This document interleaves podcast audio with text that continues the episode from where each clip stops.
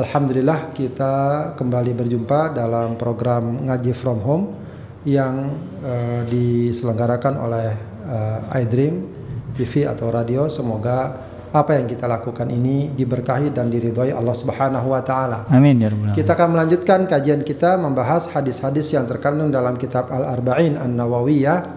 Kita sudah masuk kepada Al-Hadits Tsamina Asyar.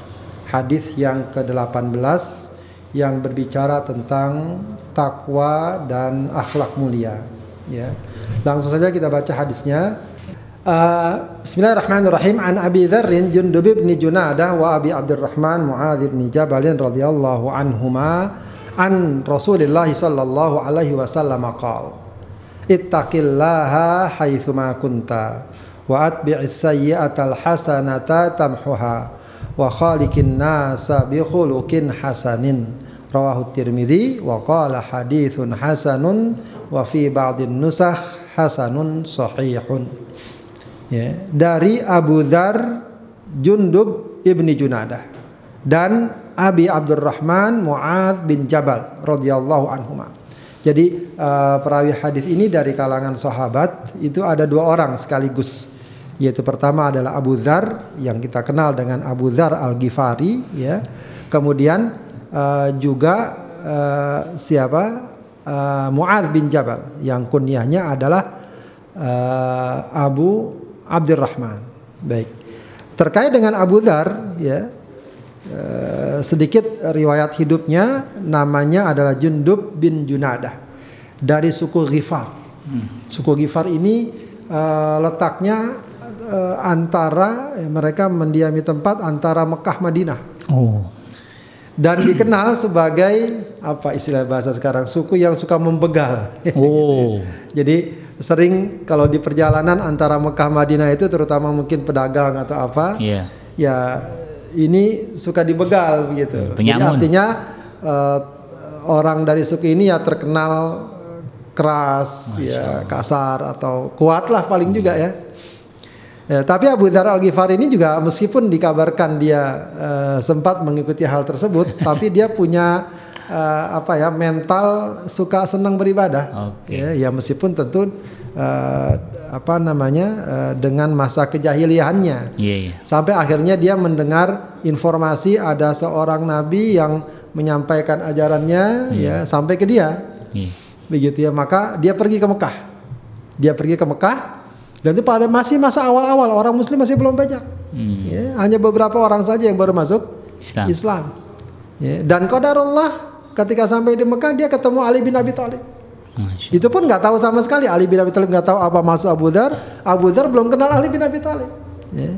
Ringkasnya sempat diajak ke rumah Ali bin Abi Thalib. Akhirnya Ali bertanya kamu sebenarnya mau ngapain ke sini? Begitu ya. hmm. ya. Kata dia jangan bilang-bilang saya mendapat info ada seorang yang mengaku seorang rasul. Saya lagi nyari-nyari orang itu. Hmm. Ya, mungkin kalau bahasa kita kata Ali bin Abi Thalib mungkin ya kebenaran begitu ya. Iya. Dia ketemunya dengan ah, Ali bin Abi Thalib, maka diajaklah ke rumah Rasulullah sallallahu alaihi wasallam. Ya, lalu disampaikan ajaran Islam dan dia langsung menyatakan masuk Islam. Ya, begitulah hidayah. Ya, bahkan bukan hanya masuk Islam, dia langsung berdiri di depan Masjidil Haram, ya, dia sampaikan ajaran Islam. Saya udah masuk Islam, ya, maka dia ajak orang-orang uh, Mekah masuk Islam. Ya tentu saja ketika itu orang Mekah masih kuat uh, dengan kekufurannya, akhirnya Abu Zar dipukurin. Ya, sampai mungkin kalau nggak diingatkan uh, bisa meninggal dia. Hmm. Ya, maka dikatakan ada Ibnu Abbas yang mengingatkan orang-orang Mekah, ini orang Gifar, Hmm. Kamu kalau sampai dia meninggal, hmm, bahaya. Alamat bahaya gitu ya. Nah, begal. Begal nanti dibalas dendam udah nggak ada yang selamat. Eh. Begitu. Akhirnya nggak nggak diteruskan. Besok masih begitu lagi. Tapi akhirnya Rasulullah uh, perintahkan udah kamu pulang aja ke kampung kamu, kamu berdakwah di suku kamu. Ah, ya. Begitu ya. Dan tak lama nanti suku Gifar pun banyak masuk Islam. masuk Islam. Ya, Abu Dhar ini ya maka dia dikenal juga sebagai orang yang masuk Islam pada masa-masa awal ya. Dan juga dikenal sebagai ulama dari kalangan sahabat dan banyak meriwayatkan ha, hadis yeah. ya terkenal juga dengan kezuhudannya waroknya. Dia orang yang sangat hati-hati. Jadi ketika e, negeri Islam sudah mulai meluas sudah banyak futuhat kemenangan demi kemenangan orang-orang sudah mulai banyak ya berkecukupan. Hmm. Abu Zar enggak? Dia pengen hidup seperti Rasulullah Sallallahu Alaihi Wasallam. Ya cuma dengan makan kurma dengan minum air putih yeah. dan lain sebagainya. Dan dia uh, kerap menyampaikan ya amar ma'ruf nahi munkar. Ya, amar ma'ruf nahi munkar. namun akhirnya dia lebih memilih menyendiri. Ya, tinggal di sebuah tempat antara apa Mekah atau Madinah dan Mekah dan Irak namanya Rabazah. Hmm. Ar-Rabadah ya dan meninggal di sana. Ya dan uniknya ketika meninggal pun Abu Dhar berpesan e, letakkan saya di pinggir jalan yeah. tempat orang lalu lalang pas kemudian lewat seorang sahabat Ibnu Mas'ud juga yang meriwayatkan ini juga.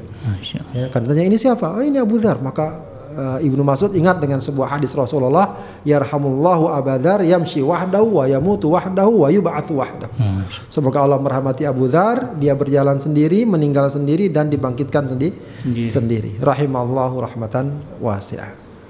Kemudian yang kedua adalah Muadz bin Jabal. Muadz bin Jabal ini Ansari hmm. uh, penduduk Madi Madinah. Madinah dari suku Khazraj Ya, suku besar dalam Madinah ada dua suku besar, suku Aus dan Khazraj. Ya, Muaz dari suku Khazraj. Ya, masuk Islam pada usia 18 tahun. Ya, jadi ketika Rasulullah SAW melakukan pendekatan yaitu di masa uh, ya sebelum Bayatul Aqobah ya. Jadi uh, beliau ini dikatakan ikut Bayatul Aqobah kedua. Yeah. Kurang lebih setahun sebelum hijrah. Ya. Setahun sebelum hijrah. Hijrah. Ya, dia ikut Bayatul Aqobah kedua yang setelah itu baru Rasulullah hijrah. Ya. Kemudian dikenal sebagai fakih, ya, ahli fikih, ya, dari kalangan para sahabat, penghafal Al-Quran dan periwayat hadis. Ya, juga ikut dalam semua peperangan pada masa Rasulullah Sallallahu Alaihi Wasallam. Dia termasuk yang diutus, ya, berdakwah ke Yaman. Ya, terkenal hadis yang Rasulullah pesan kepada Abu Dhar, eh, Abu apa Muadz bin Jabal yang menjadi salah satu kaidah dalam dakwah innaka ta'ti qauman min ahlil kitab falyakun awwala ma tad'uhum la ilaha illallah. Kamu akan datang kepada ahlul kitab kepada kampung atau kaum ahlul kitab Kristen waktu itu Yaman ketika itu masih dikuasai oleh orang oleh Nasrani ya, maka kata Rasul kamu akan datangi penduduk ahlul kitab maka yang pertama kali kamu dakwah kepada mereka adalah la ilaha illallah Muhammadur Rasul. Kalau mereka menerima baru ajarkan sholat, kalau mereka menerima baru ajarkan zakat. Jadi dia di, memang diutus dakwah ke negeri Yaman. Ya, dan dia ikut dalam jihad membebaskan negeri Syam. Negeri negeri Syam. Ya, maka dia memang akhirnya tinggal di sana dan wafat di negeri Syam pada masa kekhalifahan Umar bin Khattab radhiyallahu anhu. Hmm. Dalam peristiwa yang mungkin sekarang lagi hangat dibicarakan yaitu peristiwa taun, taun hmm. Amwas. Wabah. Jadi kalau taun yang terjadi di negeri Syam eh, saat pemerintahan khalifah atau saat khalifah Umar bin Khattab itu taunnya disebut taun Amwas. Amwas. Amwas itu dikaitkan dengan nama tempat awal mulanya tahun itu berkembang. Hmm. Namanya Amwas, maka disebut tahun Amwas. Ya, kalau sekarang uh, virus itu awalnya di Wuhan, ya, yeah. orang mungkin bisa menyebut itu virus Wuhan. Yeah. Ya. Nah, uh, meninggal di sana, termasuk dia yang menjadi uh, korban ya ketika yeah. terjadi tahun itu. Ada beberapa sahabat yang menjadi korban juga, dan tentu saja di kalangan salafus salafus soleh banyak ribuan orang memang meninggal pada peristiwa tahun Amwas itu Khalifah Umar sendiri diriwayatkan sebagaimana kita sering dengar kisahnya eh, sempat ingin berkunjung ke negeri Syam namun akhirnya membatal membatalkan. membatalkan. Baik, itu eh, secara ringkas ya makna atau eh, sirah ya atau catatan lah ya tentang kedua eh, perawi ini. Baik. Kita langsung saja kepada hadis ini ya. Hadis ini Ya, kata Rasulullah ittaqillah haitsu ma kunta wa atbi sayyi'atal hasanata tamhuha wa khaliqin nasa bi hasanin. Bertakwalah kepada Allah di mana saja dan kapan saja kalian berada. Ya, dan kemudian ikutilah keburukan-keburukan dengan kebaikan dan pergaulilah manusia dengan akhlak yang baik. Ya, ya seorang ulama Al Imam Al Munawi berkata, "Hadzal haditsu minal qawaidil muhimmah." Hadis ini termasuk kaidah penting ya li ibanatihi li khairid darain karena menjelaskan kebaikan dua alam dunia alam dunia dan alam akhirat. akhirat kita kalau mau baik di dunia mau baik di akhirat hadis ini patokannya hmm. ya, salah satu patokannya Wa tadammuni ma yalzamul mukallafu min riayati haqqil haqqi wal uh, khalqi. Karena juga hadis ini mengandung ya apa yang ya apa namanya yang harus dipenuhi oleh seorang mukallaf ya orang mukallaf orang yang sudah balik ya orang yang sudah terkena kewajib kewajiban ya berupa menjaga hak Allah al-haq itu maksudnya Allah Allah namanya adalah al-haq di antara nama Allah ya, ya hakul hak ya, hak Allah dan hak makhluk jadi dalam hidup ini ada dua hak yang harus kita jaga dan kita penuhi. Hak Allah dan hak makhluk. Hmm. Itu harus kita jaga keduanya. Ya, kalau kita pengen selamat dunia akhirat, kedua perkara ini harus kita jaga, kita penuhi, kita tunaikan hak haknya. Ya. Ini secara garis besar kandungan hadis ini. Baik. Dalam hadis ini Rasulullah mengatakan ittaqillah. Bertakwalah kamu kepada Allah. Ya, at-taqwa ya, dalam bahasa Arab itu berasal dari kata-kata waqayaqi. Hmm. Apa artinya berlindung? Ya, kalau ada istilah wiqayah artinya perlindung, perlindungan. Perlindungan. Ya, sesuatu yang kita upayakan untuk menghindarkan kita dari sesuatu. Hmm. Maka dalam aspek kesehatan itu ada istilah namanya preventif ya. Hmm. Nanti dalam bahasa Arab namanya wiqoya. Disilakan dengan bahasa apa? Al wiqoya khairun minal ilaj. Berlindung menghindari lebih baik daripada mengobati. Hmm. Begitu ya. Baik. Adapun menurut istilah takwa dengan sederhana adalah al, al imtithalu bi awamirillah wal ijtinabu anin nawahi. Ya, itu takwa melaksanakan segala perintah Allah dan menjauhkan larangan-larangan larangan-larangannya. Maka kalau dikatakan ittaqillah, bertakwalah kepada Allah apa maksudnya? Apa kaitannya juga dengan makna dasar tadi? Artinya adalah berlindunglah dari azab Allah, dari ancaman Allah dengan apa? Dengan menjalankan perintah Allah dan menjauhi larangannya. Gitu ya. Jadi dengan kita laksanakan perintah Allah, dengan kita jauhi larangannya, itulah cara yang ya Allah perintahkan agar kita selamat dari azab dari azab Allah. Itulah makna tak makna takwa. Ya, maka eh, sangat jelas di sini ya bagaimana Allah sudah menjelaskan kepada kita alur atau katakanlah prosedur agar kita selamat ya, dari ancaman azab Allah. Azab Allah yaitu bertakwa. Bertakwa kepada Allah dengan menjalankan syariatnya dan menjauhi segala larangannya. Hmm. Ya, jangan mencari cara-cara lain nih gimana biar saya selamat pada Allah ya. Lalu dia cari cara lain tidak. Udah Allah jelaskan gampang, gamblang urusannya. Kita nggak perlu lagi memikir-mikir apa ini atau merenungkan segala sesuatu ya mencari sendiri menyimpulkan sendiri. Tidak. Ya sudah Allah kasih jalan jalannya agar kita selamat, agar kita terhindar dari azab Allah Subhanahu wa taala. Ya, ya, kita bisa ilustrasikan ya kalau ada misalnya aturan dan ancaman ya yang uh, tidak yang akan ada ancaman begini dan begini. Kita tentu akan cari ini gimana biar kita selamat dari ancaman kan begitu kan? Betul. kita cari jalannya. Misalnya sekarang ancaman tentang virus. Hmm. setiap orang ingin cari pengen tahu cara agar selamat dari virus. Maka dia cari oh begini caranya. Oh begitu caranya. Oh pakai masker misalnya. Hmm. oh kalau gitu menjaga jarak dan seterusnya. Hmm. ya. Nah itu dikasih jalannya. Tinggal kita ikuti ya jangan ngeyel. Ya udah dikasih tahu begini oh enggak saya kuat segala macam. Tidak. Ya Allah sudah kasih. Ya, Anda bisa terancam dari azab Allah. Lalu bagaimana biar selamat? Allah kasih tahu yaitu dengan apa yang disebut dengan istilah takwa tadi. Ya. Uh, definisi takwa itu atau pemahaman takwa dapat kita tangkap ya dengan baik, dengan lebih jelas lagi dengan melihat atau mengamati bagaimana para salafus soleh ya memahami masalah takwa tersebut. Meskipun beda-beda redaksinya, tapi ini untuk memperkaya dan satu sama lain akan menguatkan dan juga bisa memberikan kita pemahaman yang lebih utuh tentang takwa. Di antaranya adalah ungkapan yang terkenal dari Ali bin Abi Thalib radhiyallahu an.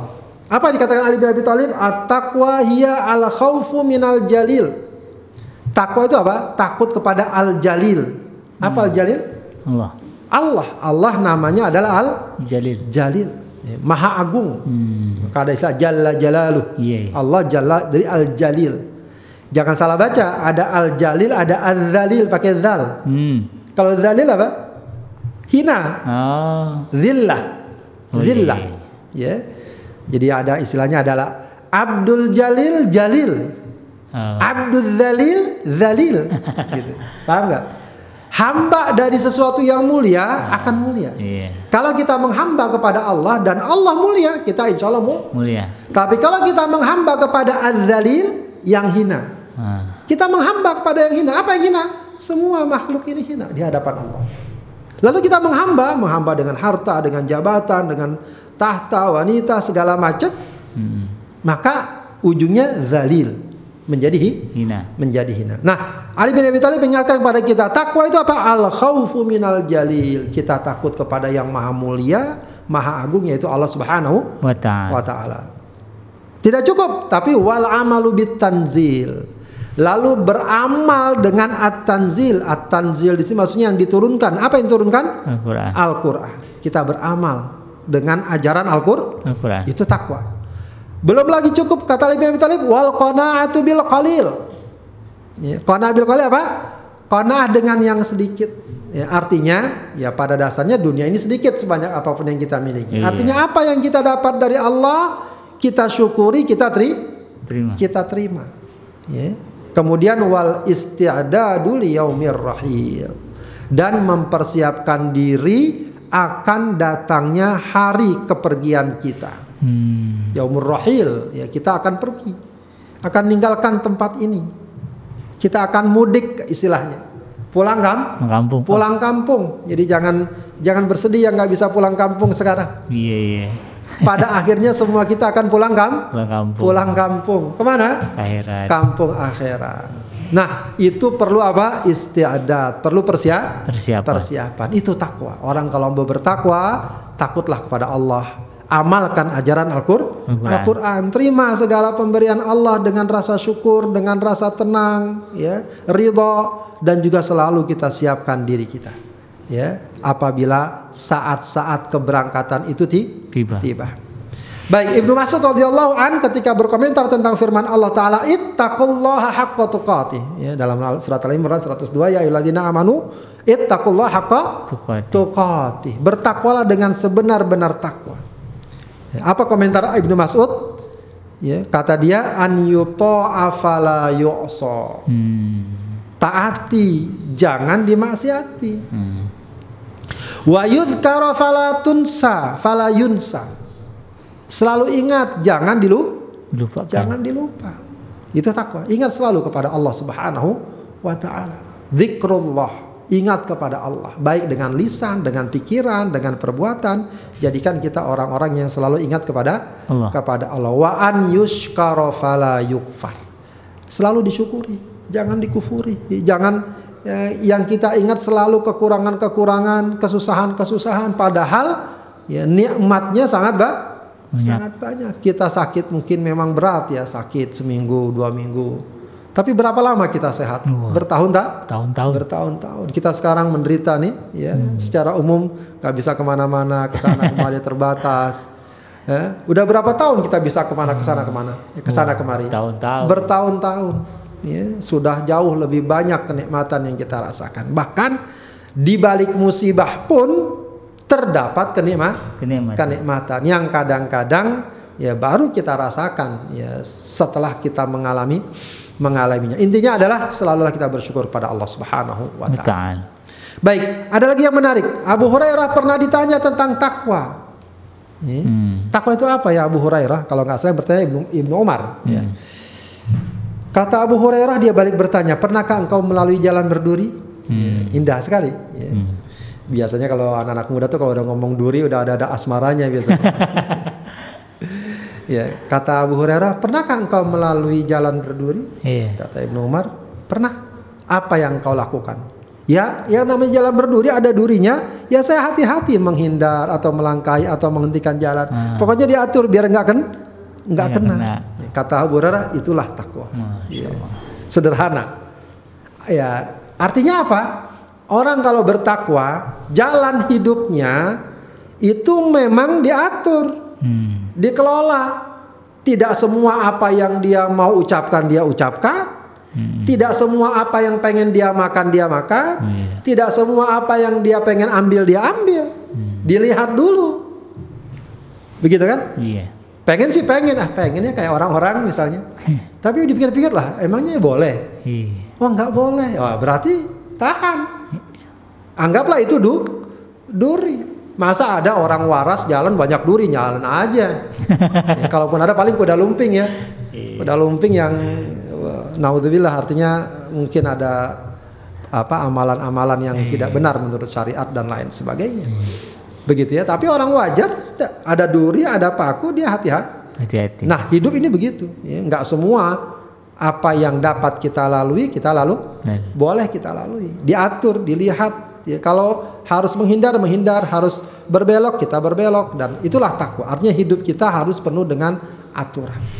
Kemudian ada seorang ulama Tolok bin Habib rahimahullah berkata, ya, at-taqwa anta amala bi taatillah. Takwa itu engkau beramal dengan taat kepada Allah hmm. ala nurim minallah tapi bukan sekedar taat tapi berdasarkan cahaya Allah panduan al Allah. panduan Allah tarju sawaballah apa yang kamu cari dari amal tersebut minta pahala dari Allah Ya Allah. dari Allah ya sudah beramal tapi yang dicari adalah cuma sekedar pujian ya, cuma sekedar balasan-balasan dunia Iya. ya, itu bukan masih belum memenuhi tak Takwa. takwa. Kebalikannya wa antatruka ma'asiyatallah, tinggalkan maksiat kepada Allah. Ala nurim min Allah, ya. Berdasarkan cahaya Allah, juga berdasarkan panduan Allah, mana yang harus tinggalkan? Oh ini tinggalkan, oh ini maksiat tinggalkan. Kenapa? Ajaran Allah mengatakan demikian. Al-Quran mengatakan demikian. Hadis mengatakan demikian. Para ulama menyimpulkan demikian. Ala nurim min Allah. Nggak main tinggalin aja, oh ini nggak bener nih, padahal mungkin bener. Oh ini haram nih, padahal halal. Nah itu berarti meninggalkan sesuatu yang dianggap maksiat tapi tidak berdasarkan panduan dari Allah dari Allah. Takhafu iqaballah. Jadi ninggalin maksiat kenapa? Takut sama balasan Allah. Allah. Allah. Ya bukan sekedar takut, oh takut ntar ditangkap lagi begitu ya. Ya, bukan cuma sekedar itu, ya, tapi takut akan balasan Allah. Kalau udah takut akan balasan Allah, maka maksiat di mana pun akan dia tinggalkan. Kemudian Ibnu Rajab Al Hambali, ya, yang ini salah satu orang yang mensyarah kitab Arba'in Nawawi, ya, yang terkenal yaitu kitab Jami'ul Ulum wal Hikam. Ya, dia mengatakan at-taqwa an yaj'alal 'abdu bainahu wa baina ma yakhafuhu wa yuhadziruhu wiqayatan taqihi minhu wa huwa fi'lu ta'ati wa ijtinabu ma'asi. Ini yang tadi kita sudah bahas ya. Takwa adalah seorang hamba menjadikan penghalang antara dirinya dengan apa yang dia takuti. Itu yang takwa. Makanya ada wiqayah, wiqayah itu kalau bahasanya tameng. Orang kalau lagi perang pakai ta tameng, penghalang, ya. Kalau sekarang kayak helm, kayak apa namanya wiqayah. Iya. Al wiqayah helm juga disebut wiqayah juga. Hmm. Begitu. Nah, ini maksudnya apa? Takwa yang menghalangi kita dari sesuatu yang kita takuti. Apa yang kita takuti? Ya ada adab Allah. Siksa Allah. Siksa Allah. Siksa Allah. Begitu ya.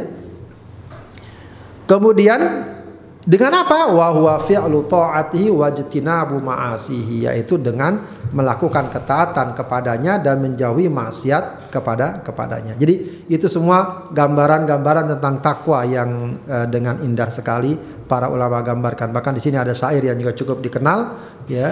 Eh, wallahu alam kalau tidak salah juga ungkapan dari Ibnu Mubarak ya. Uh, dikatakan apa khallid dzunuba saghiraha wa kabiraha fahuwat tuqa. Tinggalkan dosa kecil maupun besar.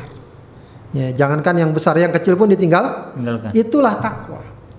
Ya, itulah tak Takwa. takwa. Jadi memang kalau didetailkan takwa itu substansinya memang meninggalkan yang maksiat. Ya. Ada lagi namanya nanti ada albir. Albir itu melakukan kebaik kebaikan.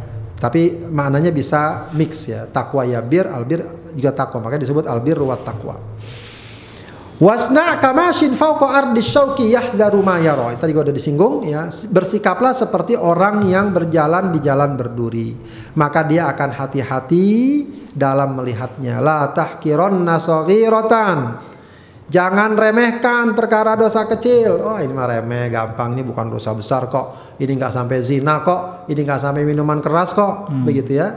Maka dia mulai perlakuan dosa-dosa kecil. Apakah mungkin memandang, mendengar dan lain sebagainya. Atau perbuatan yang lain. Maka diingatkan innal jibala minal hasa. Sungguhnya gunung itu tak lain merupakan kumpulan butir-butir, butir tanah, butir pasir jadi gunung. Ya, semut tuh sedikit ngangkutin tanah tuh semut. Ya. Satu satu satu lama-lama besar. Ya. Lama-lama be besar. Nah, eh, ini juga mengingatkan kita untuk eh, sedapat mungkin ya menghadirkan ketakwaan, meninggalkan perkara-perkara yang eh, apa namanya Allah tidak ridhoi baik kecil apalagi besar. Baik eh, dalam Al-Qur'an juga banyak sekali wasiat takwa. Wasiat takwa. Jadi memang masalah takwa ini sering sekali diingatkan dalam Al-Qur'an banyak ya ayyuhalladzina amanu taqullah dan seterusnya. Ya Allah Subhanahu wa taala berwasiat walaqad wassaynal ladzina utul kitaba min qablikum wa iyyakum sungguh kami telah berwasiat kepada orang yang telah diberikan Alkitab sebelum kalian, umat sebelum kalian. Udah dikasih wasiat. Kalian juga dikasih wasiat. Ya, kalian nih Rasulullah dan umatnya juga diberikan wasiat apa wasiatnya? Anittaqullah, bertakwa kepada kepada Allah. Para nabi itu juga berwasiat kepada apa namanya kepada umatnya untuk bertakwa. Itu qala lahum aquhum nuhun ala tattaqun. Itu qala lahum aquhum hudun ala tattaqun.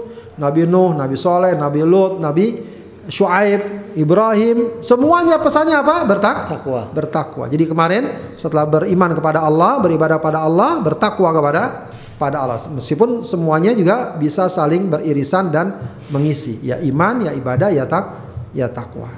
Begitu ya. Rasulullah juga terkenal dengan khutbahnya, khutbah hajah namanya, yaitu menjadi muqaddimah ya.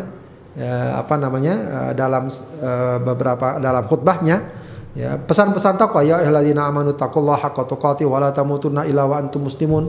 Ya ayuhan nasu taqu rabbakumul ladzi khalaqakum min nafsin wahidah wa khalaqa minha zawjaha wa batha minhuma rijalan katsiran wa nisaa wattaqullaha alladzi tasaalu tasaaluna bihi wal arham innallaha kana 'alaikum raqiba. Ya ayyuhalladzina amanu taqullaha wa qulu qawlan sadida yuslih lakum a'malakum wa yaghfir lakum dhunubakum wa man yuti'illaha wa rasulahu faqad faza fawzan 'azima. Itu juga uh, sering dipakai Rasulullah dalam khutbahnya disebut khutbatul hajah. Ya, yaitu pesan-pesan takwa. Ya, baik. Kemudian Rasulullah katakan ittaqillaha haitsu ma kunta. Ya, haitsu itu dalam bahasa Arab disebut zorof makan. Menunjukkan tempat. Ya, artinya terkait dengan masalah di mana. Tapi juga dapat digunakan sebagai zorof zaman, penunjuk waktu. Ya, Jadi maka kata-kata haitsu makunta ini menunjukkan di mana saja, kapan saja kamu tetap diperintahkan bertakwa. Jadi bertakwa nggak kenal musim, nggak kenal tempat. Ya, nah ini juga Ramadan ini ujian bagi kita. Lagi musim orang bertakwa nih. Iya. Ya, ngaji di mana-mana, sholat di mana-mana, maksiat relatif berkurang. Iya. Selesai Ramadan bagaimana? Begitu ya. Maka seorang ulama ingatkan kun rabbaniyan wala takun. Jadilah kamu orang yang Rabbani. rabbani, bertakwa, menghamba kepada Allah. Di mana saja kamu. Jangan cuma ibadahnya di bulan Ramadan aja. Hmm. Ramadan ini Allah sediakan justru bagi kita untuk mengumpulkan energi dan bahan bakar sebanyak-banyaknya agar apa? Agar kita nanti tetap semangat dan punya mentalitas ya, punya stamina dalam beribadah dan ketaatan kepada Allah. Hmm. Kepada Allah. Ya, karena takwa tidak dibatasi oleh waktu dan tem tempat. Jadi nggak ada istilah Wah ini mah kita masih muda lah, jangan rajin-rajin sholat segala macam. Takwa nggak mengenal muda, mengenal tua. Justru semakin muda anda bertakwa, semakin tinggi kedudukannya. Kan sering kita sebutkan bagaimana Rasulullah memuliakan anak-anak muda ketika menyebutkan eh, tujuh golongan yang mendapatkan naungan Allah di hari kiamat. Salah satunya Rasul sebutkan syabun nasyafi ibadatillah, anak muda yang tumbuh beribadah kepada Allah. Maka jangan pikir anak muda, oh kita sih masih muda lah, nggak usah lah serius-serius amat. Ya, sholat sedapatnya lah. Dan lain selebihnya kita hura-hura, kita foya-foya tidak. Ya, ada satu apa namanya ungkapan yang sangat indah itu eh, syair apa tazawwad bit taqwa fa innaka la tadri in ta'ishu eh, apa in, in jannal lailu hal ta'ishu ilal fajri. Ber, berbekalah dengan takwa. Kenapa? Karena kamu tidak tahu kalau malam datang apa besok fajar masih hidup. Kita nggak tahu. Kita nggak tahu.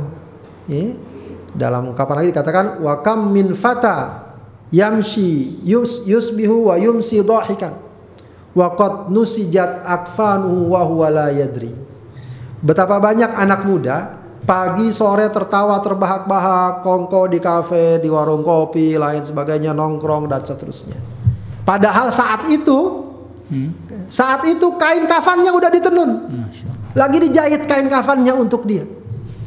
Ya, ya Allah Subhanahu wa taala subhanallah betapa sering kita lihat kenyataan tersebut tersebut ya entah mungkin teman kita entah siapa masih muda seusia kita bahkan lebih muda dari kita ya meninggal maka jangan kita katakan ini saya masih muda atau sekarang besoklah besoklah besoklah ya jangan berpikir besok sekarang lakukan besok itu bukan waktu kita besok itu bukan milik kita bukan milik kita Ya, yang lalu pun juga bukan milik kita. Jangan selalu terkenang-kenang masa lalu. Dulu mah saya rajin ngaji, sekarang aja nggak rajin. Itu kan dulu. Hmm. Jangan dihitung-hitung.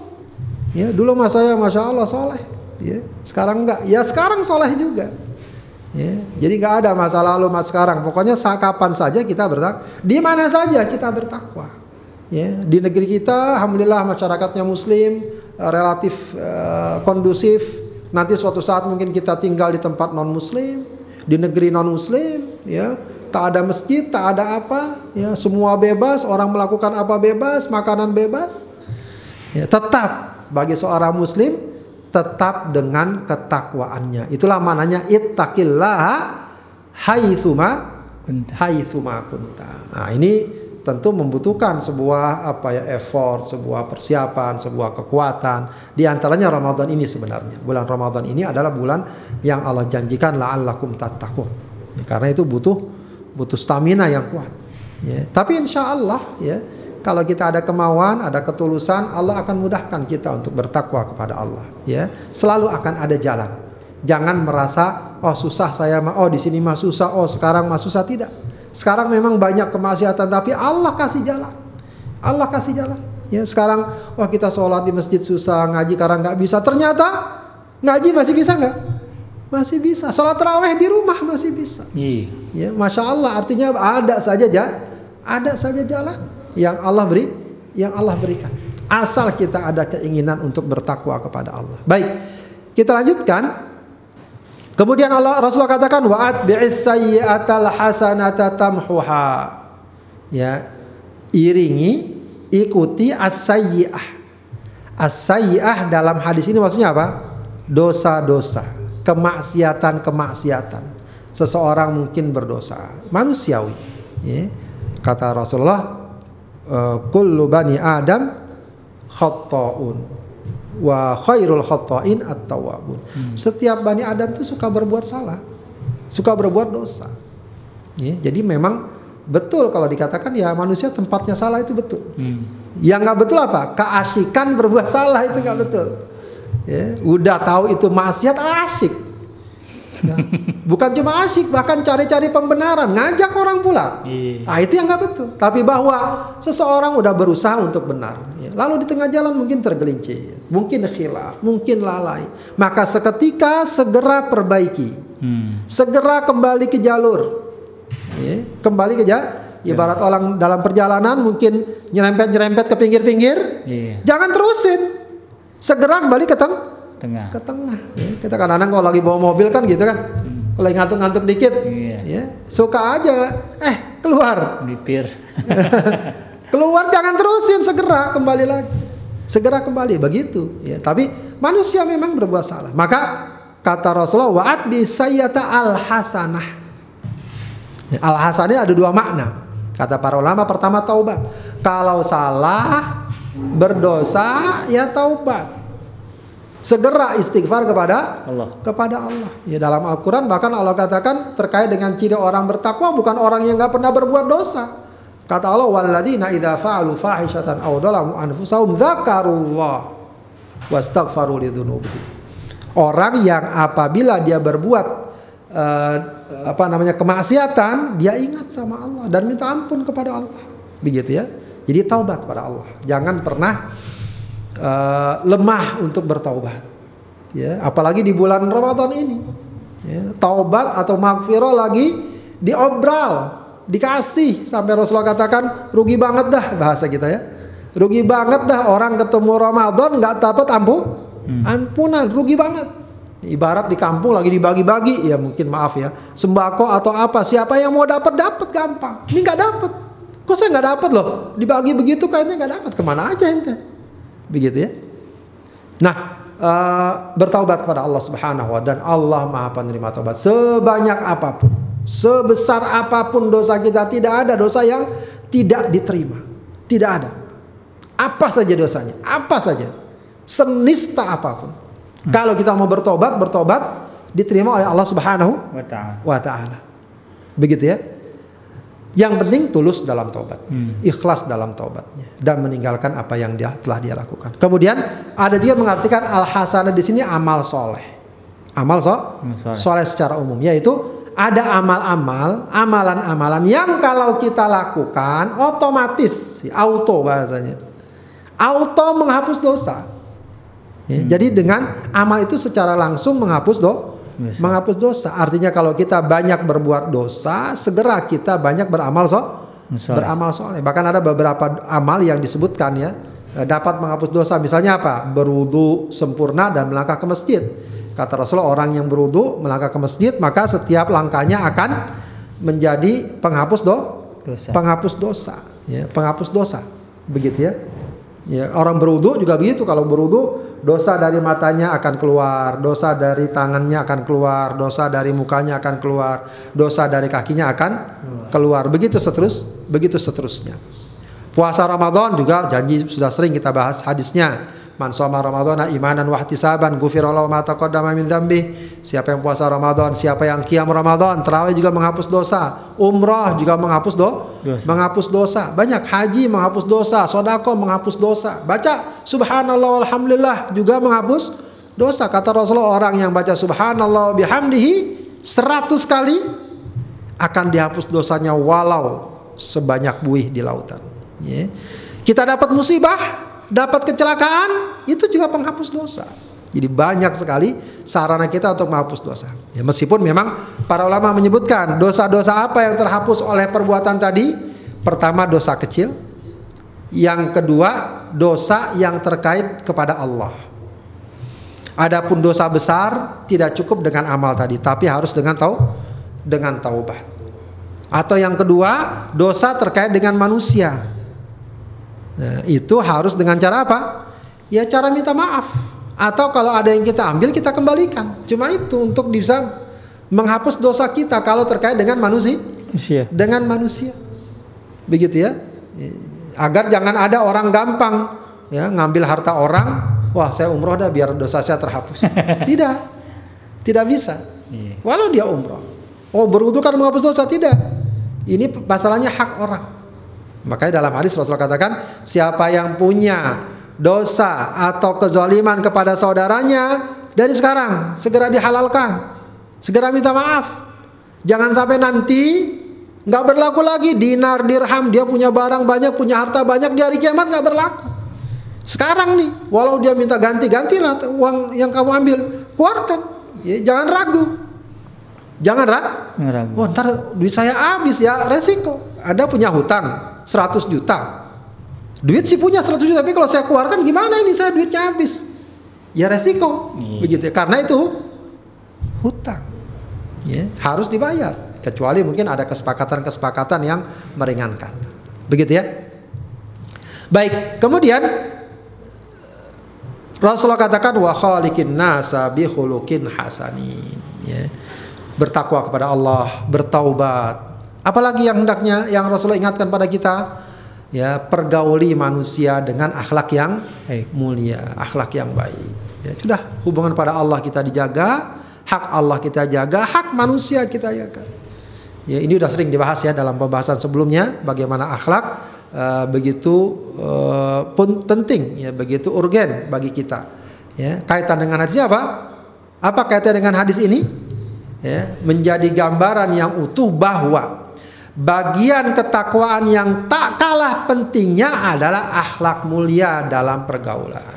Jadi orang kalau ngomong takwa, takwa, takwa, jangan cuma berpikiran takwa itu cuma sholat, ngaji, sodako, umroh, pergi haji.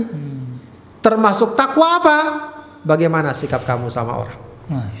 Ya, bagaimana omongan kamu sama orang? Bagaimana perbuatan kamu sama orang lain? Ya, apalagi sama orang-orang dekat, sama orang-orang eh, kecil, sama orang-orang di bawah kamu itu ukuran-ukuran yang sangat yang sangat standar ya, dalam masalah ketakwa, Takwa. dalam masalah ketakwaan. Ya, walau kamu rajin sholat, ya, tapi ketak muamalah dan sikap pergaulannya sangat tidak baik, itu tidak banyak membantu. Hmm.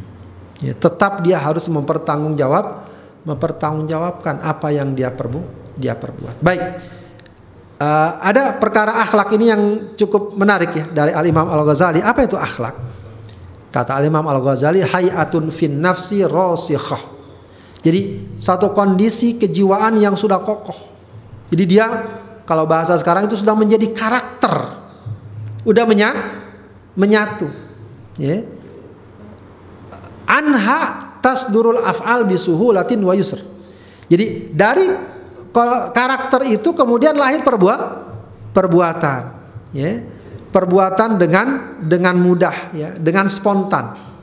Ya, min ghairi haja ila fikrin wa ru'yah, dilakukan secara refleks tanpa berpikir terlebih dahulu. Ya, jadi yang namanya takwa itu nggak dibuat-buat bahasanya gitu. Iya. Dia natural. Ya. Yang namanya natu- natural itu apa? Nggak dibuat-buat ngomongnya. Memang begitu. Di mana-mana pun akan begi, akan begitu. Jadi namanya ini namanya khuluk. Ya. Khuluk itu mufrad dari akhlak. Akhlak itu mufradnya khuluk. Nah, kalau yang dibuat-buat namanya takhalluk. Apa takhalluk tuh? Ya dibuat-buat. Ya memang oh biar kelihatan sopan gimana ya? Harus nunduk-nunduk, harus ngomong segala macam. Iya. Tapi di sisi lain ya mungkin pada orang pada siapa iya, keluar semua sifat tercelanya. Ah. Ya, itu itu namanya takhalluk. Ya, ini nanti ada kaitannya juga dengan takwa tadi, takwa haitsu makunta tadi. Ya, kalau masih dibeda-bedakan, kalau sama orang besar, masya Allah dia sopannya, dia kelihatan ininya, tapi sama orang kecil dia mencak-mencak. Nah itu apa namanya eh, patokan. Di luar kadang-kadang ada orang di luar luar biasa sangat baik, sama keluarga begitu nggak dia? Iya. Itu akhlak ya. Itu ak Akhlak. Kalau sama orang baik, senyum, masya Allah dan lain sebagainya di rumah ya istrinya dimarahin habis-habisan, anaknya nggak ada yang suka dan seterusnya. Maka sebenarnya salah satu ya salah satu barometer takwa itu apa? Orang-orang dekat kita. Oke. Ya, jadi kalau pengen tahu lihat kualitas orang lihat anaknya gimana responnya sama dia. Ah udahlah mendingan gak ada bapak di rumah. kalau udah sampai kayak gitu itu berat. Tapi kalau bapak tuh dikangenin, Pak kapan pulang? Ya, itu kan ada sesuatu yang kedekatan. Iya. Atau paling nggak enak kalau ada ayah, ada ibu enak, rame atau hangat. Ya, sepi kalau nggak ada orang tua. Nah itu sesuatu yang memberikan gambaran betapa anak ini atau orang tua atau siapa pun disuka atau kepada orang biasa ya ketika dia tetap hormat tetap berperilaku elegan pada anak orang kecil sekalipun ya kalau sama orang besar sama atasan hormat sih Malu. maklum banget lah ya sangat wajar sama orang atasan hormat wajar Iya. tapi dia masih menghormati orang kecil memuliakannya memperlakukannya sebagaimana layaknya Iya. nah itu itulah tak Takwa. takwa Rasulullah itu sama anak kecil ya dia nggak canggung untuk ber Berinteraksi. berinteraksi bahkan bercanda asyik begitu ya dan seterusnya. Sama orang kecil pun begitu. Ya dia perhatikan dia pedulikan. Ketika ada penyapu masjid seorang wanita yang meninggal kan ke mana dia? Dikasih tahu udah meninggal. Kenapa nggak kasih tahu saya? Itu sikap beliau sama orang kecil. Begitu ya? Ya maka ada satu ungkapan yang menarik ya. Orang besar itu Hmm. orang besar itu bukan orang yang dianggap besar oleh orang-orang oh dia orang hebat. Oh dia orang besar dan seterusnya Orang besar itu katanya adalah orang yang siapa pun berada di hadapannya dia merasa dibesarkan. Ya. Ketika kita ada di hadapan orang yang kita hormati, terlalu dia memberikan respon yang positif. Masya Allah, gimana kabarnya? Dibilang gitu saja ditegur, gimana kabarnya? Baik. Ya, Itu sudah merasa orang dibesar, dibesarkan. Ya, jadi ini satu hal yang eh, patutnya kita uh, kita perhatikan ya. Inilah juga yang menjadi misi dakwah Rasulullah ya sering dikutip hadisnya innama bu'ithu li utammima makarimal akhlak. Aku diutus tak lain untuk menyempurnakan keagungan akhlak. Jadi Rasulullah memang uh, sangat peduli dengan masalah akhlak. Tentu saja dengan masalah keimanan, ketakwaan, ibadah. Tapi akhlak juga perkara yang sangat mendasar. Ya, kemudian juga ada hadis Rasulullah yang juga uh, semestinya memotivasi kita. Kata Rasulullah, "Inna ahabbakum ilayya wa aqrabakum minni fil majlisan ahasinukum akhlaqa. Sungguhnya orang yang paling aku cintai dan paling dekat tempatnya denganku di hari kiamat adalah apa? Yang paling bagus akhlaknya. Wa inna abghadakum ilayya wa ab'adakum minni fil akhirah dan yang paling aku benci dan paling jauh dariku tempatnya di akhir di hari kiamat adalah aswa hukum aswa hukum akhlaqo orang yang akhlaknya paling tercel paling tercela. Ini tentu pembahasan akhlak ini setelah masalah keimanan dan ketakwaan clear ya. Jangan sampai nanti jadi jadi apa namanya jadi bahan untuk menghindar. Yang penting akhlaknya baik walau nggak beriman walau nggak bertakwa. Tidak. Selalu kita ingatkan pemahaman kita terhadap hadis-hadis harus utuh ya. Jangan parsial. Kalau parsial akan menimbulkan pemahaman yang parsial dan juga akan menimbulkan pemahaman yang keliru. Dikira kalau ahlak baik, ahlak baik, walau nggak sholat, walau nggak puasa, walau nggak beriman, maka Allah ridhoi tidak. Ya, jelas keimanan dan ketakwaan tetap merupakan pilar dan landasan yang sangat mendasar bagi seorang muslim. Wallahu alam bisawab, uh, Bapak Ibu sekalian, sahabat iDream TV yang dimuliakan Allah, itu yang dapat saya sampaikan ya, mudah-mudahan uh, bermanfaat saya cukupkan. Wassalamualaikum warahmatullahi wabarakatuh. Waalaikumsalam warahmatullahi wabarakatuh. Demikian uh, uraian dari guru kita terkait dengan tema kita tema hadis uh, kita pada hari ini yaitu hadis yang ke-18 dengan tema takwa dan akhlak mulia sudah dirunut oleh Ustadz uh, apa itu takwa dan bagaimana aplikasi dalam kehidupan kita termasuk mungkin sedikit barometernya ya. Mudah-mudahan kita bisa mengaplikasikannya. Baik sahabat dan sekalian yang dirahmati Allah Subhanahu wa taala bagi Anda yang ingin bertanya kepada guru kita terkait dengan tema kita pada hari ini ya kalau mungkin ada ganjalan Anda bisa langsung uh, bertanya ke nomor uh, WhatsApp kita nomor WhatsApp iDream Radio di 082293881044 atau Anda boleh langsung berkomentar ya uh, di kolom komentar Anda untuk bertanya. Nanti juga akan kita bacakan kepada guru kita sebatas waktu yang cukup uh, karena kita akan berhenti di jam 12.30 eh, menit waktu Indonesia, di jam 11 lewat 30 menit waktu Indonesia bagian barat. Dan sebelum saya lanjutkan, saya ingatkan juga ya bagi anda yang mungkin ingin uh, mendermakan atau mendonasikan uh, kelebihan hartanya. Kalau yang zakat silakan uh, salurkan ke lembaga zakat sukses sebagai sponsor kita uh, pada hari ini kemudian juga bagi yang ingin mendonasikan apa namanya uh, berbagai program dakwah yang ada di iDream Radio Anda bisa menyalurkan donasi Anda di nomor rekening uh, Bank Syariah Mandiri di 712 3307 776 insya Allah itu akan jadi amal jariah bagi Anda yang akan mengalir pahalanya ya walaupun Anda mungkin sudah berstatus nanti sebagai almarhum atau almarhumah Apalagi sekarang di bulan Ramadan kita galakkan, kita semangatkan, kita berbanyak mudah-mudahan ini menjadi sesuatu yang akan menambah berat uh, timbangan pahala kita di Allah Subhanahu wa taala. Baik Ustaz, ini sudah ada penanya yang masuk ke meja redaksi ada satu dua tiga empat ada empat pertanyaan nah, sambil menunggu mungkin uh, pertanyaan-pertanyaan lain dari sahabat Edrim Radio juga dan juga sahabat Edrim TV. Pertanyaan pertama Ustaz dari akun Inaliu. di uh, YouTube kita Ustaz. Assalamualaikum Ustaz. Apakah uh, ketakwaan seorang anak ini akan mendatangkan pahalanya bagi orang tua kita yang sudah meninggal? Jangan Ustaz. Baik, uh, ketakwaan seorang anak apakah mendatangkan pahala? Iya, mendatangkan pahala jika orang tua tersebut memberikan pengaruh, memberikan andil, hmm. memberikan ajaran sehingga anak itu menjadi orang yang bertakwa. bertakwa. Ya, jadi kalau seandainya atas didikan orang tuanya atau atas ya pengaruh orang tuanya anak itu menjadi orang yang bertakwa, apakah hmm. langsung atau dicarikan guru, dicarikan apa dan seterusnya, insya Allah itu akan menjadi tabungan yang uh, baik buat orang tuanya. Ya, akan tapi tentu saja juga bagi anak tidak cukup hanya itu ya. Iya. Dia juga harusnya berusaha apakah mendoakannya. Hmm. Ya yang paling dasar paling mudah lah mendoakan Mendoakan orang tua. mendoakannya atau juga apa namanya ya ada hal-hal lain yang bisa dilakukan apakah bersedekah atas nama orang tuanya Iya. dan seterusnya begitu ya jadi intinya adalah eh, siapa yang mengajarkan kebaikan sebagaimana banyak disebut dalam hadis Rasulullah sallallahu alaihi wasallam manda ilahudan kana lahu minal ajri mislu ma mislu ajri man apa namanya eh, mislu ajri man eh, amilahu au kama qala sallallahu ya siapa yang apa namanya eh, mengajak kepada petunjuk maka dia akan mendapatkan pahala orang yang melakukan petunjuk tersebut tanpa mengurangi pahala orang terse- tersebut. Jadi eh, kalau memang itu orang tua punya andil maka eh, anaknya akan dapat pahala. Tapi tentu eh, tidak cukup anak hanya melakukan kebaikan tapi hendaknya dia selalu mendoa Mendoakan. mendoakan kedua orang tuanya. A'lam. Baik, eh, demikian eh, jawaban Ustaz untuk eh, akun atas nama Inai Liu ya.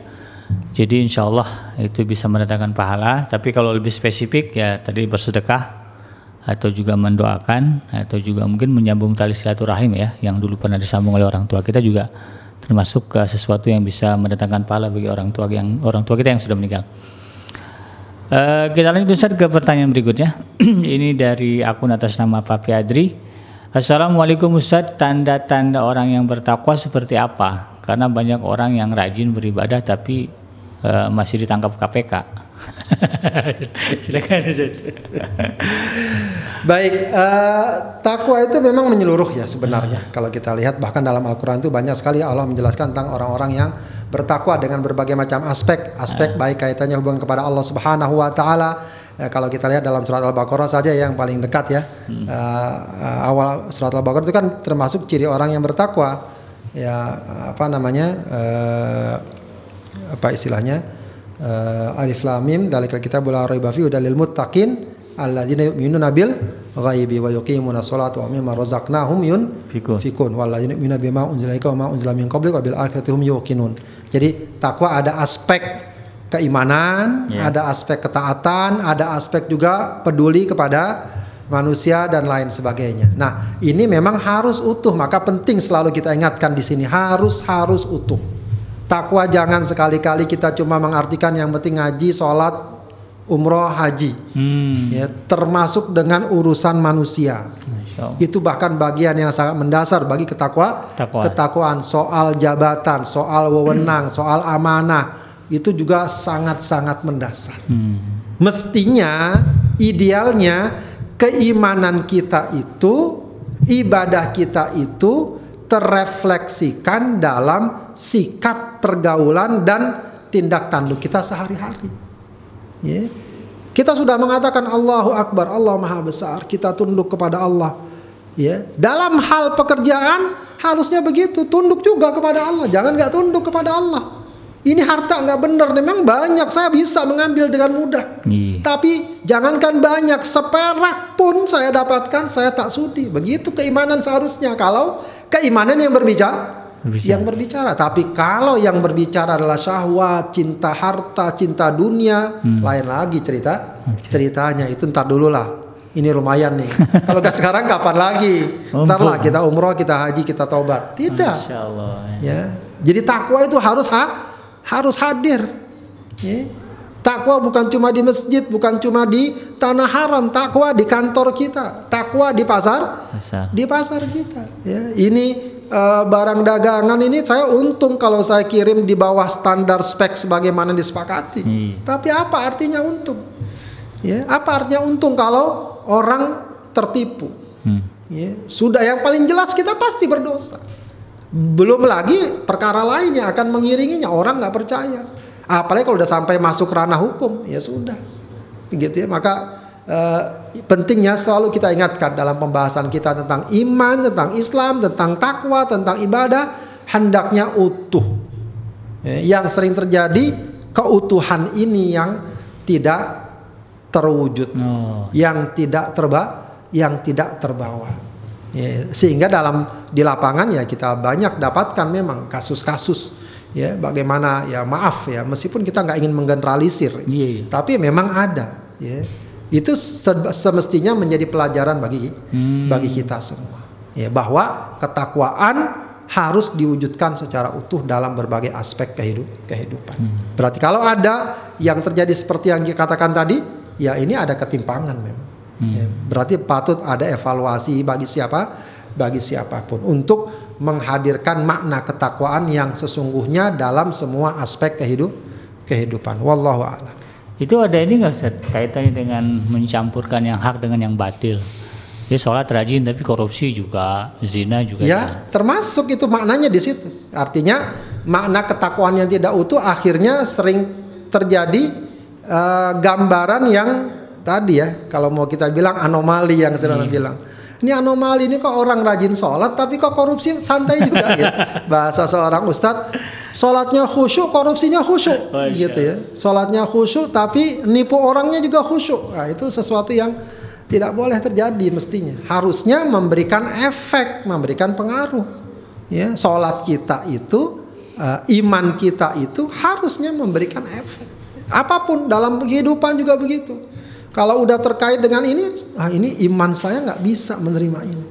Ya, ada seorang di masa Umar bin Khattab hmm. radhiyallahu an biasa termasuk bagian yang sering lakukan berkeliling kan hmm. berkeliling me mengamati rakyatnya itu banyak contoh-contoh bagaimana keimanan tuh Hmm. Ya ada seorang anak yang diminta mencampur apa susunya dengan air. Iya. Dia nggak mau. Kenapa? Allah eh, kata walaupun Amir bin Khattab Amirul Mukminin nggak melihat, Tuhannya Amirul Mukminin melihat. Itu kan selesai sebenarnya. Iya. Orang kalau imannya benar, ya ya kasarnya itu nggak butuh polisi, nggak butuh penjara. Iya. Ya, Ma, kalau imannya benar. Ya, dan itu bukan sesuatu yang hayalan itu terjadi di beberapa tempat ya ini hmm. memang kan yang ironisnya lagi ya hmm. terjadi di tempat-tempat yang memang uh, kadang tidak ada keimanan kepada Allah tapi mereka pakai kejujuran oh ya, kejujuran dan lain nah ini seharusnya kita juga malu iya ya, ya malu ya bukan jangan kalau gitu percuma beriman nah itu lebih parah jangan ya kitab iman ya harusnya kita wujudkan keimanan itu iya. ada juga seorang wanita yang uh, didengar sedang bersyair bersenandung. Ha? Rupanya uh, suaminya bertugas jihad. Ha? Sekian bulan dia pergi. Ya, uh, itu sampai digambarkan ya syairnya saya agak lupa redaksinya. Jadi uh, malam ya biasa lah ya ucapan-ucapan uh, kangen rindu gitu kan. Rindu malam panjang nggak bisa tidur hmm. ya. Ya kalau bahasa tambah-tambahnya memikirkan kekasih, memikirkan suami lah maksudnya di situ. Kata dia sampai digambarkan kalau bukan takut karena azab Allah ini ranjang sudah bergoyang. Sampai Masya begitu bahasanya. Allah. Maka Umar bin Khattab langsung temui putrinya Hafsah. Hafsah wanita itu uh, biasanya berapa lama dia tahan ditinggal istrinya, hmm. suaminya. Kata Hafsah empat bulan. Hmm. Maka sejak itu Umar bin Khattab merolling pasukan-pasukan yang ditugaskan keluar nggak boleh lebih dari empat bulan, hmm. gitu ya. Oh kalau gimana Ustaz saya kerja udah setahun dua tahun ya nggak apa-apa yang penting ente sabar lah. Kalau nggak bisa pulang apa boleh buat ya. Kesian nih Mas Misran nih kameramen kita nggak bisa pulang sabar. Iya, iya, iya. Takut sama Allah, sama Allah jangan ngelirik-ngelirik yang lain. ya takut sama Allah Subhanahu wa taala. Ya, ingat anak istri segala macam. Jangan gampang kita berbuat selingkuh, berbuat zina, naudzubil. Naudzubillah. Kalau iman dibawa insya Allah. Ya. Jadi jadi ini bukan masalah oh percuma iman, bukan percuma iman, intinya yang nggak benar memakai iman. memakai iman. Ya. Jadi uh, sekali lagi ini memang ya maaf kalau agak keras sedikit, sebab memang fenomena ini uh, nyata memang. Iya ada, ya. ada. Itu harusnya juga kita iya. ingatkan diri kita. Wallah alam. Iya. Bahkan kalau yang saya agak nggak suka itu begitu ditangkap KPK pakai kopiah haji. Pakai sorban, masya Allah kan gitu ya. Sedih ya. Uh, terima kasih atas penjelasannya mudah-mudahan bisa memuaskan uh, pertanyaan dari akun atas nama Papi Adri. Amin. Ya. Lanjut Ustaz ke pertanyaan ini dari nomor WhatsApp. Assalamualaikum Ustaz, mohon penjelasan. Apakah jika disebut takwa maka juga sudah termasuk amal solehnya? Atau apakah takwa hanya dalam bentuk batin? Menuju kepada hadis uh, at-taqwa hu hahuna uh, yang disabdakan oleh Rasulullah sambil menunjuk dadanya. Terima kasih Ustaz dari Mustafa di Sulawesi Selatan. Baik, uh, takwa adalah aspek batin dan zahir. Hmm. Zahir dan batin, dua-duanya. Iya. Eh, takwa dua-duanya. Takwa kalau Rasulullah mengatakan takwa hahuna itu maksudnya memang ya sumber ketakwaan, landasan ketakwaan adalah di dalam hati kita berupa keimanan, keikhlasan, ya ke apa namanya ketak eh, ya ketakwaan juga ya ketundukan kepada Allah Kepada kepada Allah. Nanti refleksinya adalah sikap perbuatan. ya. Lagi-lagi jangan dibenturkan soal ini. Hmm. Ya, kedua-duanya harus kita wujudkan Oke. harus kita wujud wujudkan. Jadi dari batin kita lahir ya jadi amal soleh kita harus lahir dari ya, hati yang memang benar-benar tulus ikhlas mencari ridho Allah mencari ridho Allah. Ya. Eh, kebalikannya tentu saja eh, amal tanpa landasan hati yang kuat tidak benar. Hati saja tanpa wujud dari amal pun tidak ben Tidak tidak, benar. Wallahu a'lam. Yang jelas tadi uh, Ustaz juga sempat sebutkan uh, indikasi ketakwaan itu dari surah Al-Baqarah 1 sampai 5. Berarti kan itu juga ada amal soleh di sana. Iman dan amal soleh Iya, dua-duanya. iya, jadi demikian ya. Terima kasih Ustaz uh, atas jawabannya mudah-mudahan bisa dipahami oleh uh, penanya kita di Sulawesi Selatan atas nama Akhi atau Bapak Mustafa. Masih ada pertanyaan Ustaz, cuman ini kayaknya eh, muncul dari rasa cinta terhadap majelis ngaji from home Ustaz. Nah, ini ada pertanyaan dari Ibu Ratna Kartika di Jerman. Ustadz, bila Ramadan eh, selesai, apakah program ngaji online masih Ustadz berikan? Kalau boleh tahu di mana, karena program ini efektif untuk saya. Nah, Masya Allah. gimana Ustaz? Jazakallah khair ya nanti kita bicarakanlah ke eh, manajemen ya iDream atau juga mungkin dalam eh, program-program yang lain Eh, sebenarnya ada ya cuma memang kadang eh, publikasi dan lain sebagainya juga sangat eh, mempengaruhi. Insya Allah kalau eh, di iDream ini ya sudah biasa sebenarnya Iya. eh, kajian-kajiannya ya cuma memang yang agak intensif eh, pada bulan Ramadan ini Iya. ya mungkin ya sudah juga sih ada perbincangan untuk terus menghidupkan kajian-kajian online. Ini mungkin juga salah satu hikmah ya Wabah. adanya corona ini ya. COVID-19 di antara hikmahnya adalah banyak orang yang berpikir untuk kemudian menghidupkan menyemarakan kajian-kajian online. Meskipun sudah banyak sebenarnya Iya. akan tapi eh, akan eh, lebih tampak lagi kebutuhannya pada masa-masa sekarang. Rupanya ya, juga akhirnya banyak berkesimpulan. Walaupun COVID-19 sudah berlalu ya, maka agenda-agenda kajian online itu eh, sangat bagus untuk mendapatkan perhatian juga. Ya jadi kesimpulannya sih lagi-lagi utuh ya online harus ya atau bisa offline juga juga Iya. kalau mungkin bisa. Jadi tergantung situasi dan kondisi. Mungkin teman-teman di Jerman teman-teman di negeri-negeri minoritas tidak mudah ya mendapatkan tempat-tempat kajian seperti kita di Indonesia apalagi di Jakarta dan lain sebagainya. Ya di sana memang mungkin yang paling efektif adalah kajian online. Begitu ya. Ya saya juga banyak mengisi atau beberapa kali mengisi kajian-kajian online untuk teman-teman yang uh, tinggal di daerah minoritas ya. Uh, mesti seperti di Australia kemarin juga saya sempat di Jerman juga ada ya di beberapa Korea dan semacamnya. Ya. Insya Allah uh, nanti bisa komunikasi aja ya, kalau memang ada nomor WhatsApp bisa dicatat ya, nanti eh, disi- dikirim via WhatsApp nanti akan kita coba eh, tindak lanjuti. Wallahu alam Baik, demikian Ibu. Insya Allah nanti kalau Ibu ingin atau siapa pun yang ada yang ingin mengetahui eh, berbagai program eh, kajian eh, yang ada di iDream Radio atau di iDream TV, Anda bisa follow ya akun medsos kita di Facebook di akun @iDreamRadio 1044 atau di IG kita Instagram juga ada di akun @iDreamRadio Insya Allah berbagai eh, informasi terkait dengan berbagai program siaran apakah offline atau online kita akan update di sana. Jadi Anda tidak akan ketinggalan informasi apalagi yang sudah menekan tombol subscribe di channel YouTube kita ada update-nya itu ya. Bahkan didahulukan. Ya. Saya kalau buka HP itu isinya kajian aja karena memang subscribe-nya dari iDream TV dan juga eh, eh, apa namanya? program-program kajian lainnya. Baik, Ustadz, eh, itu pertanyaan dari Bu Ratna Kartika. Kita beralih ke pertanyaan selanjutnya, Ustadz. Ini dari hamba Allah. Ustadz, mohon penjelasan tentang makna ittaqullaha uh, masata'tum atau bertakwalah kepada Allah eh, sesuai dengan kesanggupanmu.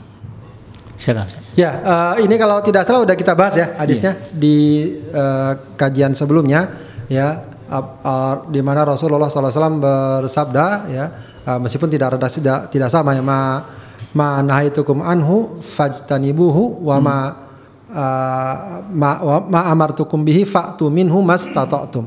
Ya apa yang gue perintahkan maka uh, apa namanya laksanakan semampu kalian. Kalau dalam Al-Qur'an memang ada firman Allah fattaqullaha mas Tato. tata'tum bertakwalah kalian semampu kalian. Nah semampu kalian ini maksudnya bukan batasan minimal atau bukan level mental dan keinginan Hmm. Kadang-kadang kalau kita mau ikuti mental dan keinginan kita maunya nggak sholat gitu Iya. ya. Kalau misalnya bangun subuh, subuh subuh dibangunin, kira-kira kalau ikuti keinginan pengen tidur pengen sholat, Tidur. pengen tidur kalau ikutin keinginan. Iya. Lalu jangan kita pakai dalil eh, bertakwa semampunya. Iya. Ya, ya saya bangunnya jam 7 jam 7. nah itu nggak kalau kayak diserahkan kayak gitu keinginan orang macam-macam. Iya. Tapi mas tatautum di sini maksudnya adalah sesuai kemampuan eh, diri kita, kemampuan fisik kita, kemampuan tenaga kita. Maksudnya apa? Kalau sholat misalnya nggak eh, harus berdiri, kalau nggak berdiri sholat fardu ya boleh duduk. Nah itu namanya fatakullah mas. Tatautum puasa, puasa harus ada sesuai kekuatan. Kalau kita kuat harus puasa. Hmm. Oh nggak kuat Pak Ustadz ini mungkin eh, ada ya beberapa daerah yang panas sekali. Udah gitu lama lagi siangnya. Iya. Mungkin ada yang nggak kuat. Kalau nggak kuat ya kalau nggak bisa kolaps ini. Dehidrasi sangat berlebihan. Ya nggak apa-apa. Jangan dipaksakan. Hmm. Ya, tidak jangan dipaksa. Jangan dipaksakan. Jangan dipaksakan. Atau dia sakit misalnya jelas. Kalau sakit berarti fatakullah mastata'tum. Bahkan dalam eh, level tertentu malah nggak boleh dia memaksakan. Hmm. Malah kalau dia puasa bisa berdosa.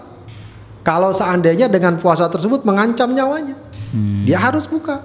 Begitu. Itulah yang disebut dengan fatakullah mas Mas tata'tum. Jadi semampu kita pengen haji, pengen pergi haji, nggak punya uang, ya sudah fatakullah mas tata'tum. Tidak nggak perlu kita dipaksa-paksa atau apalagi naudzubillah sampai nyari uang halal haram itu nggak perlu. Ya, tapi kita nyari uang yang halal untuk pergi haji ya Bismillah. Kalau hanya nggak bisa fatakullah mas mas tata'tum. Tapi bukan berarti aduh saya nggak bisa nih ngaji. Kenapa malu? Ah itu bukan fatakullah mas tata'tum. Ya. Harus singkirkan rasa malu ngaji begitu ya. dan seterusnya. Wallahu a'lam. Iya. Jadi memang e, bertakwa ya dimaksimalkan lah begitu ya. ya situasi. Tapi saat kalau itu kan antum banyak ambil contoh fikih, misal ibadah kan sholat, puasa. Kalau dalam praktek lainnya seperti ber- bergaul dengan tetangga, bergaul dengan keluarga, ada istri yang bikin emosi mulu gitu, Ustaz. Nah, ini bertakwa dalam konteks menurut kesanggupan itu seperti apa, Ustaz? Nah itu kalau terkait eh, kalau tadi kan kewajiban-kewajiban pribadi ya. Hmm. Kalau terkait dengan pergaulan apa yang sekiranya memang mengancam ketakwaan kita, ya tinggalkan nggak masalah.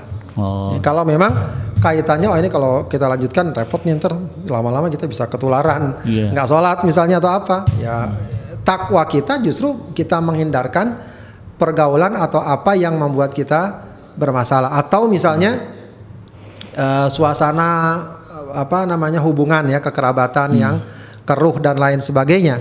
Untuk hal-hal yang sekiranya dapat mengundang kita kepada kekuruan tinggalkan. Tapi perkara lain yang di mana kita dapat menebarkan kebaikan, misalnya dengan menjaga hubungan, silaturahim dan seterusnya lakukan. hmm. Begitu ya. Jadi eh, misalnya kita nggak usah terpancing kalau seandainya ada ajakan misalnya keributan kah atau apa, ya jangan diseret-seret terlalu dalam. Iya. Ya, jangan diseret-seret terlalu dalam. Sudah. Untuk hal ini kita nggak bisa ladenin begitu ya. Tapi dalam perkara yang lain di mana kita bisa berinteraksi dengan positif, saling berkunjung, saling membantu, ya lakukan sedapat mung- sedapat mungkin.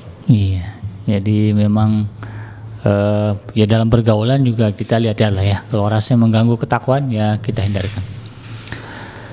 Eh, baik Ustaz, kita lanjutkan ke pertanyaan berikutnya. Ini ada pertanyaan Ustaz terkait dengan Ustaz adakah doa yang bisa dibaca untuk eh, supaya kita atau keluarga kita menjadi orang yang bertakwa di sisi Allah Subhanahu wa taala. Doanya Ustaz, ada nggak? Wallah alam ada hadis Rasulullah di antara doa ya Allahumma ati nafsi taqwaha Hmm. wa zakkiha anta khairu man zakkaha. Hmm. Ya. Ini mungkin bisa dicatat nanti ya. Allahumma ati nafsi taqwaha ya Allah berikan jiwaku ketakwaannya. Ah, Wa zakkiha dan sucikan engkau adalah sebaik-baik yang mensucikan mensucikan jiwa. Ya, atau kita baca aja langsung ya. Allahumma ja'alna minal muttaqin. Ya Allah jadikan kami termasuk orang-orang yang Bertakwa. bertakwa. Atau juga doa yang juga sangat dikenal. Insya Allah ini hafal. Doa Nabi Apa, Ibrahim. Taufik? bukan. Apa Nabi- Nabi Ibrahim? Yang uh, rob, apa? Robana hablana min azwajina wa dzurriyyatina qurrata a'yun waj'alna lil muttaqina imama. Itu bahkan jadi pemimpin orang bertakwa. bukan ya ada doa Rasulullah? Ada. Yang sangat ringkas. Uh, Allahumma inni as'aluka al-huda wat tuko, tuko ya, wal afafa. wal afafa wal ghina. Saya kira itu ringan. iya ya. iya iya Nah, nanti bisa di di WhatsApp tuh kalau memang mau ya, doanya doanya. Allahumma inni as'alukal huda ya Allah aku wal aku wal padamu al huda petunjuk watuqo dan ketakwaan Hmm. wal afafa dan uh, ifah ya uh, menjauh dari maksiat wal ghina dan kecukupan Hmm. ya. Atau kalau memang belum hafal, mohon dengan bahasa kita nggak apa di luar sholat kita mohon ya Allah jadi saya orang bertakwa, jadikan jauhkan saya dari maksiat, nggak apa-apa. Ya, wallahu alam. Oke, jadi demikian ya. Kalau doa yang dari baca Ustadz baca, diulang-ulang itu videonya, ya, itu juga hafal sendiri. Masya Allah. ya itu di browsing di internet juga bisa. Eh, masih ada pertanyaan Ustadz. Ustadz, eh, bagaimanakah eh, ini sekedar ini Ustadz mungkin eh, memantapkan keyakinan dia Ustadz. Ada orang yang secara akhlak baik, tetapi ibadah eh, zero gitu. Apakah orang ini juga nanti di akhirat eh, bisa dikatakan sebagai orang bertakwa atau selamat? Tetapi ya dia Muslim Ustadz. Nah, silakan. Ya, eh, sekali lagi selalu kita ingatkan dan kita ingatkan pentingnya keutuhan keutuhan dalam memandang, mensikapi dan mengamal mengamalkan. Baik dalam tataran buat kita dan menilai orang lah, Hmm. menilai orang lain, menilai orang lain. Kalau kita lihat ada orang akhlaknya baik, eh, ibadahnya zero, ya tetap akhlak baiknya diapresiasi memang. Kita apresiasi akhlak baiknya, nggak perlu kita eh, apalagi kita eh, publikasikan. Oh dia nggak benar, walaupun dia orangnya masya Allah jujur dia nggak benar. Iya. Ya, Kenapa dia nggak sholat? Tidak, kejujurannya kita apresiasi. Hmm. Kejujuran kita apresiasi, Apresiasi. tapi perkara dia tidak sholat, jangan kemudian sekali-kali kita merasa benarkan. Ya, jangan sampai ada istilah lebih baik dia, eh, lebih baik dia yang nggak sholat tapi jujur ketimbang si fulan Hmm. sholat tapi nggak jujur. Iya. Itu salah. Ya. Karena apa? Perbandingannya nggak apple to apple. Kalau mau perbandingkan adalah jujur rajin sholat, jujur nggak sholat. Nah itu mau Iya. dibandingin. Betul. Jangan dibandinginnya dengan yang simpang siur gitu. Ya. Jadi jangan sekali-kali jadi pembenaran. Karena dia jujur maka dia benar walaupun nggak sholat tidak. Ya. Tapi kita betul apresiasi kejujurannya, kesungguhannya. Masalah nggak salah gimana? Tetap kita katakan keliru. Ya dengan berbagai macam cara kita ingatkan, kita ajak, kita dorong. Kalau kita kenal, Iya. kalau kita nggak kenal ya kita berbicara secara umum saja. Tetap betapa pentingnya sholat dan seterus dan seterusnya. Jadi kita dalam memandang hal-hal seperti ini juga jangan eh, hilang proporsionalitasnya. Iya. Ya, tetap kita apresiasi. Banyak orang-orang yang baik ya di tengah kehidupan banyak orang-orang yang ba- Baik. baik. anti kezaliman kita apresiasi anti kezaliman. Iya. Tapi masalah dia nggak sholat, dia belum beriman, tetap bagi kita ini masalah dasar. Hmm. Ya, kita nggak bisa menerima sebuah kebenaran bahwa orang tidak beriman tidak sholat. Itu nggak mungkin bisa kita terima. Iya. Jangan kemudian kita cari oh nggak apa-apa, Uh, dia walau nggak sholat tapi dia itu insya Allah masuk surga. Enggak, gitu ya. Itu akidah kita tidak mengatakan demikian. Iya, iya. Tidak mengatakan demikian. Bagaimana orang masuk surga kalau dia tidak beriman? Hmm. Kalau dia tidak beramal so, Tidak tidak beramal beramal soleh. Itu akidah kita. Ya, tapi ada orang memang baik. Nggak apa kita bilang terima kasih.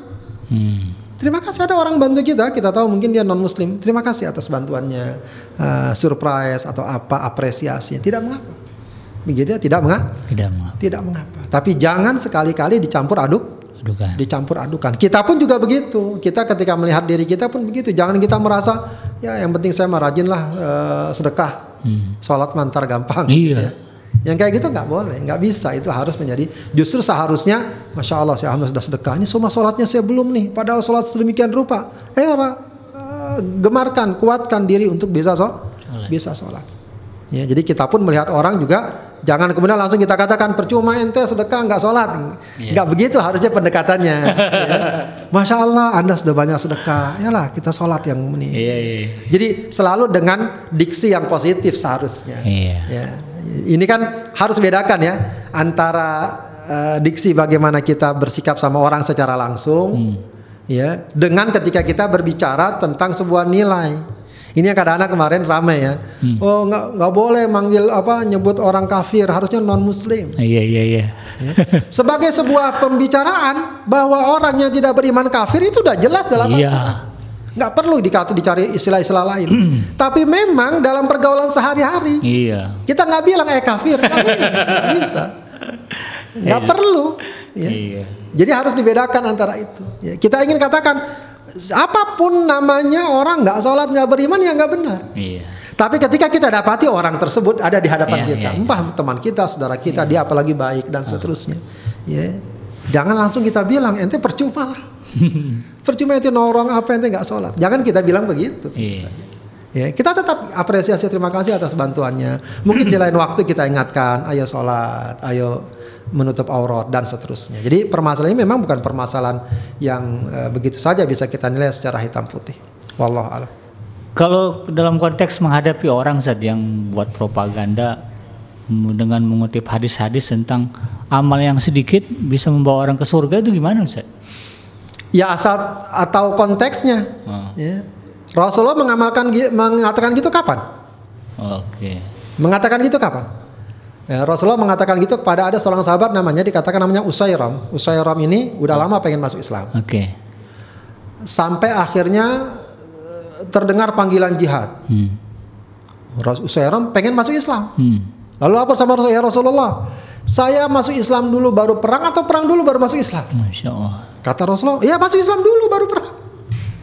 Maka langsung dia menyatakan syahadat, langsung ikut perang. Gak lama kemudian meninggal. Ya itu yang dikatakan ada orang yang nggak sholat nggak puasa masuk Islam itu maksudnya dia. Jangan diambil secara umum. ya. Nggak rata. sholat nggak puasa masuk Islam gimana? Eh masuk surga gimana? Sementara itu amal dan amal merupakan syarat masuk surga. Iya. Ya memang ada rahmat Allah, tapi rahmat Allah diberikan pada orang yang beramal. Iya. Begitu ya. Jadi harus lihat konteksnya. Ada orang yang memang di masa apa mudanya ya begajulan. Apa kita lihat kan? Iya, iya. Beberapa contoh ada kita bisa sebut nama-namanya. Ya, tapi di akhir hidupnya masya Allah dia bertobat, dia beriman. Gak lama dia meninggal. Kan amalnya sedikit memang. Iya. Tapi semua udah terhapus oleh taubat deh. taubatnya. Lalu jangan kemudian kita jadikan itu sebagai dalil Ah, amal sedikit yang penting masuk surga. Tidak. Kita sudah Allah berikan kesempatan beramal, beramallah terus sebanyak mungkin sebanyak mungkin. Jadi harus lihat konteksnya dulu. Ya, Iya. Jangan langsung jadikan kaedah amal sedikit masuk surga. Ya, dan seterusnya. Wallah. Nah, itulah realita yang berkembang di masyarakat harus pandai-pandai kita mengkonternya. Demikian sahabat iDream Radio dan sahabat iDream TV tuntas sudah kebersamaan kita dalam program Ngaji From Home di edisi hadis ke-18 dengan judul Takwa dan Akhlak Mulia. Mudah-mudahan penjelasan dari guru kita Al Ustaz Abdul Haidar LC bisa Anda pahami, bisa kita pahami, bisa kita amalkan dalam kehidupan kita sehari-hari. Apalagi kita sekarang sedang berada di bulan Ramadan, mari kita sama-sama tingkatkan eh, kekuatan iman dan takwa kita supaya nanti kita masuk eh, di hari raya termasuk dalam golongan orang yang eh, kembali kepada kesucian dan juga termasuk golongan orang-orang yang diberikan kemenangan oleh Allah Subhanahu wa taala. Dan terima kasih bagi Anda yang sudah berinteraksi dengan kita melalui komentar ya dan juga pertanyaan-pertanyaan. Semoga Allah menjadikan itu sebagai amal soleh.